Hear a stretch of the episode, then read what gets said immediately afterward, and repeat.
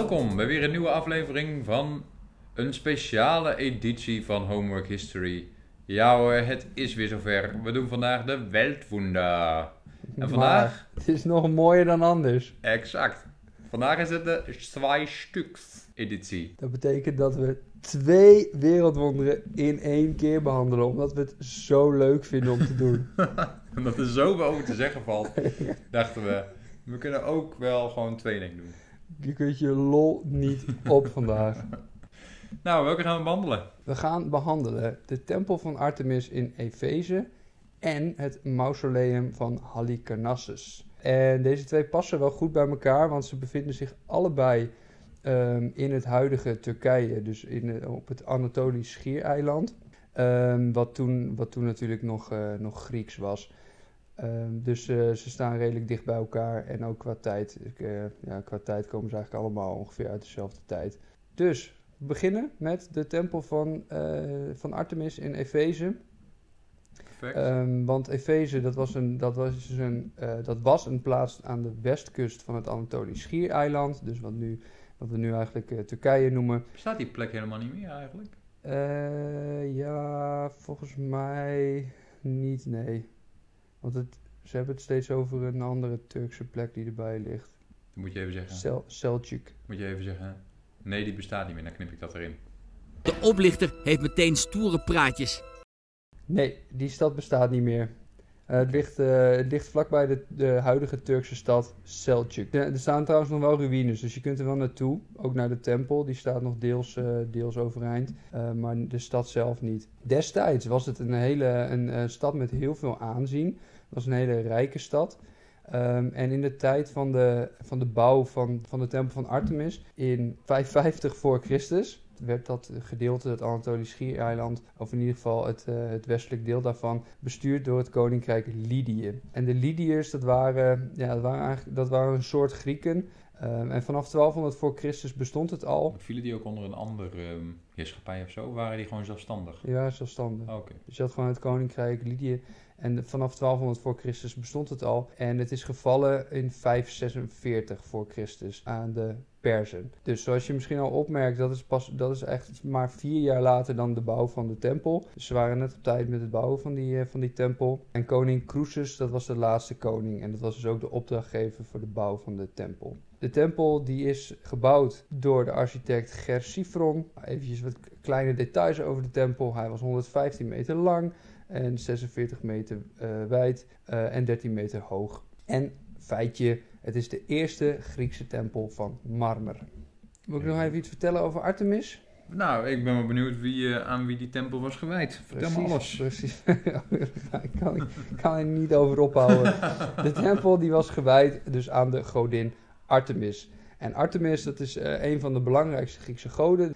Ze is de dochter van de oppergod Zeus en eh, Leto. Eh, en Leto, dat was niet de vrouw van Zeus, maar dat was dus een, eh, was dus een van de vele slippertjes van Zeus. Ze is de tweelingzus van Apollo. Ehm, in, het Rom, in het Latijn wordt ze Diana genoemd. Daar zou je er ook van kunnen kennen. En ze is dus de godin van de jacht, van vrouwen en van de maan. En ze wordt vaak afgebeeld met een hinde en soms met de maan. Dus dat is, dat is Artemis. En daar was dus deze hele grote tempel aan gewijd. Alleen die tempel die bestaat dus vier jaar. En daarna wordt het overgenomen door de persen. En wat gebeurt er dan met die tempel? Die tempel die, eh, die blijft gewoon bestaan. Die wordt niet verwoest door de Persen. Eh, alleen later brandt die af. Op 3, 356 die, eh, brandt die af. Ja, hij is dus daarna nog eventjes herbouwd geweest. eh, rond 323. En die tempel die was zelfs nog groter. Die is daarna dus ook weer verwoest. Maar de ruïnes daarvan, die kun je, kun je nog, steeds, eh, nog steeds bezoeken. Wat ik dan wel interessant vind, is die persen. Hebben die dan niet, eh, hebben die dan niet een andere god in die tempel geplaatst of zo? Of gingen die, waren die zo, hadden die zoiets van, oh dat is prima als je Artemis aanbidt in deze tempel?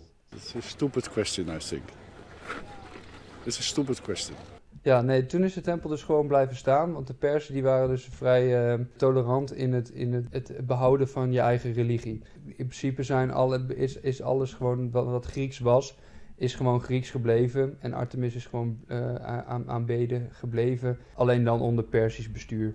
Dan gaan we door naar het tweede leukste onderdeel van deze podcast. Namelijk het mausoleum van Halicarnassus. En wat was dat? Een mausoleum. Nou, dat woord gebruiken we nu nog steeds om graftombe te zeggen. Met een duur woord. Dus wat was het? Het was een graftombe. En het was een graftombe van meneer Mausolus. Dus dat was eigenlijk de reden dat dit een mausoleum nu wordt genoemd. Het is eigenlijk vernoemd naar die persoon die daar Oh, dat wist ik helemaal niet. Oh, Ja, leuk weet je. dat is een heel goed weetje. Ja. En het heet van Halicarnassus. Je zou dan denken, oh, dat is het mauso, de graftombe van Halicarnassus. Maar Halicarnassus was dus een plaats. Ja. En dat is dus het oude Bodrum. Dat kennen de meeste mensen wel van in een all-inclusive resort liggen. Het mausoleum werd gebouwd eh, tussen 353 en 350 voor Christus, dus drie jaar. En dat was eigenlijk tijdens de heerschappij van de Hectomniden. Nou, die heersten daar eh, nou, niet zo heel lang, maar een jaar of 60. En de Hectomniden waren een zelfstandig onderdeel van het rijk van de Persen.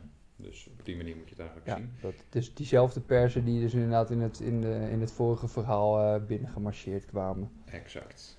En eh, degene die daar begraven lagen, lagen waren dus Mausolus en zijn vrouw. Dus eh, die twee beelden daarvan die zijn ook nog bewaard gebleven. Die staan volgens mij tegenwoordig in het British Museum. Maar schiet me daar niet op lek. Nee, hoe zeg je dat? We schieten hier niet op lek. Schiet mij niet op lek, want dat weet ik niet helemaal zeker. Maar in ieder geval, die twee beelden bestaan nog wel. Dus, maar we weten in ieder geval dat, het, dat zij de twee personen zijn die daar begraven. Eh, meneer Mausolus was de satrap, oftewel dat was de belangrijkste bestuurder. En zijn vrouw was Artemisia, eh, was dus de vrouw van de belangrijkste bestuurder. Nou, er zijn heel veel gebouwen op eh, geïnspireerd. Ik ga ze allemaal niet noemen, want het zijn er te veel. Maar hartstikke leuk. Dan heb ik nog wel een adder. Ik heb een De adder! Ja. De adder van de week. Kijk, weet je wat nou super leuk is aan deze, aan deze, aan deze graftombe? Is, er zit echt eens een kruikje in. Ja, geweldig! Dit is geweldig! Ja, Nou, ik zit, ik zit op het puntje van mijn stoel. een kruikje met een inscriptie van Xerxes de Eerste. En dat is natuurlijk heel vreemd, want dat was de koning van de Persen. En wat doet dat kruikje daar in, in, de, in die graftombe? Nou, het was Nou. waarschijnlijk een geschenk van Xerxes aan koningin Artemisia tijdens de tweede invasie van Griekenland. En zij was admiraal in de zeeslag bij Salamis. Dat is een hele bekende zeeslag waarbij... Oké, oké. Ja, dat was een hele bekende zeeslag tussen de Grieken en de Perzen. En uiteindelijk is dat dus als een erfstuk waarschijnlijk terechtgekomen in de tombe van Mausolus en zijn vrouw Artemisia, die opvallend genoeg dezelfde naam heeft als die admiraal ten tijde van de zeeslag bij Salamis. Dus in die lijn is dat kruikje blijkbaar doorgegeven en uiteindelijk in die graftombe beland. Do please go on. This is the least fascinating conversation I've ever had. Dan heb ik nog iets te vertellen over hoe het aan zijn einde kwam. Eh, diverse aardbevingen eigenlijk, die eh, maakten een einde aan de tempel. Eh, de kruisvaarders, die, nog, die gebruikten de stenen om verder te bouwen aan de Petrusburgt. Er werd dus met de stenen van een mausoleum gebouwd. Zit er nu nog steeds in. Dus die burcht bij Bodrum, daar kun je nog steeds naartoe. En dan kun je nog steeds de stenen zien die zijn gebruikt om die burcht te bouwen.